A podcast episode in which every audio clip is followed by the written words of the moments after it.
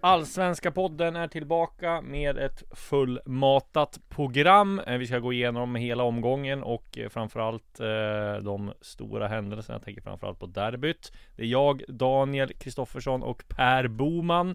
Eh, och vi börjar väl med det senaste då, där både Sirius och Elfsborg tog extremt viktiga segrar i slutet. Om vi börjar då Eh, med, i, på Finnvedsvallen där man får säga att Värnamo bjöd Sirius på ett extremt tre viktiga poäng eh, i slutet där de gjorde en rejäl miss och Taruk Matthews kom fri i, ja, vad var det, 92 eller något sånt där och gör 1-0 och ja, det var rugga glädjescener i Sirius omklädningsrum och det var nog en skön bussresa hem för Sirius för nu är det ju helt plötsligt eh, rätt oviss där i, i botten igen. Vad, vad säger du om Sirius seger, Boman?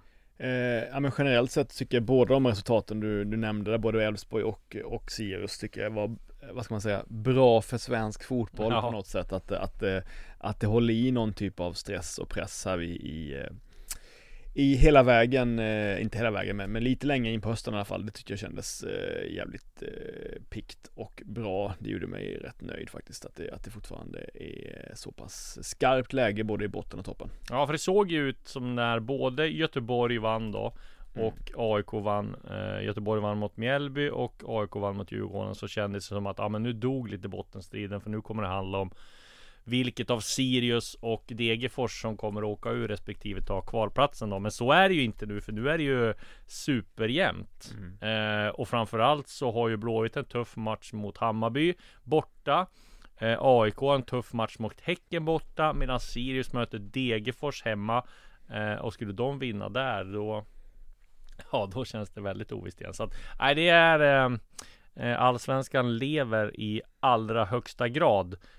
Vi får väl säga också att eh, det var en extremt tung förlust för, för Halmstad BK då, eh, där eh, jag reagerar mest på att eh, vår kollega Johan Flink hade ju en grym vinkel där när han eh, får ett sms från Martin Andersson som mm. säger att eh, det här kommer avgöras av Jalal Abdullahi alltså var det som avgjorde i 89 minuter. Sju minuter efter han skickat det där smset.